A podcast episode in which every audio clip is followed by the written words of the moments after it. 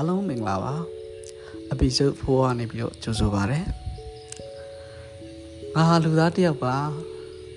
အစင်သိပြည့်စုံအောင်လေ့ကျင့်ပေးတာခြင်းကိုခံရတဲ့လူသားတစ်ယောက်ရေလို့ငါဖြစ်လာခဲ့တာမဟုတ်ဘူးလေငငယ်က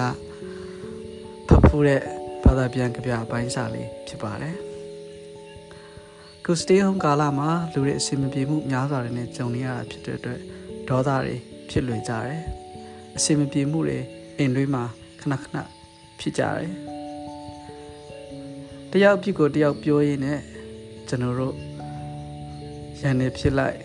စိတ်ညစ်စရာတွေပိုကြုံရတယ်ပေါ့နော်ဒီတော့ခုကာလမှာတယောက်နဲ့တယောက်အစဉ်ပြေနိုင်ဖို့တယောက်တယောက်နားလည်ပေးနိုင်ဖို့အဒီအကြောင်းအရာလေးကိုကျွန်တော်ပြောပြချင်တာဖြစ်ပါတယ်တခါတော့ကတဲ့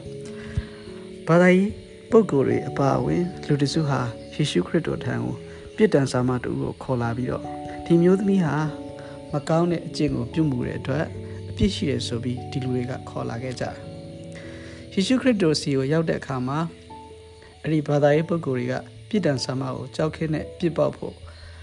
အပြစ်ပေးရမယ်လို့မိုးရှေကပြောဘူးတယ်မိုးရှေဆိုတာမိုးဆက်ပေါ့နော်အာဒီမိုးဆက်က အမိတ်ပေးခဲ့တယ်ဆိုတဲ့အကြောင်း ပြောတယ်ဒီကိစ္စမှာယေရှုခရစ်တော်အနေနဲ့ဘာတွေမိမြို့ခြင်းတယ်လဲလို့ယေရှုခရစ်တော်ကိုမြင်ကြတယ်ယေရှုခရစ်တော်ကသူတို့ကိုမကြည့်ပဲသူ့ရဲ့လက်ချောင်းတွေနဲ့မြေကြီးပေါ်မှာစာရေးနေတယ်တဲ့တစုံတစ်ခုမပြောမရှင်းလူတွေကလည်းစက်မေးကြတယ်အဲ့ဒီခါမှာယေရှုခရစ်တော်ကသူတို့ကိုမှုကြည့်ပြီးတော့တင်းတို့တွေကအပြစ်ကင်းနေဆိုတဲ့လူကပထမဦးဆုံး အဲ့ဒီအမျိုးသမီးကိုဂိမ်းလုံးနဲ့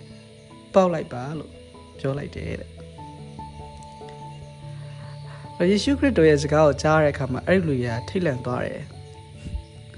လူစိတ်ဆိုတာနာရီပိုင်းမိနစ်ပိုင်းအတွင်းမှာဘာတွေတွေးနေတယ်လဲစိတ်ထဲမှာဘာတွေဖြစ်နေတယ်လဲဆိုတာအသေးချာမညာမတာတွေးကြည့်လိုက်တယ်ဆိုလို့ရှိရင်အမလေးဗျာကောင်းတာနေနေရမကောင်းတဲ့မတန်ရှင်းတဲ့စိတ်တွေအပြစ်တွေကအများကြီးအများကြီးမှ အများကြီးပေါ့ဗျာဒီလိုစိတ်တွေမှာအပြစ်ရှိနေပုံကို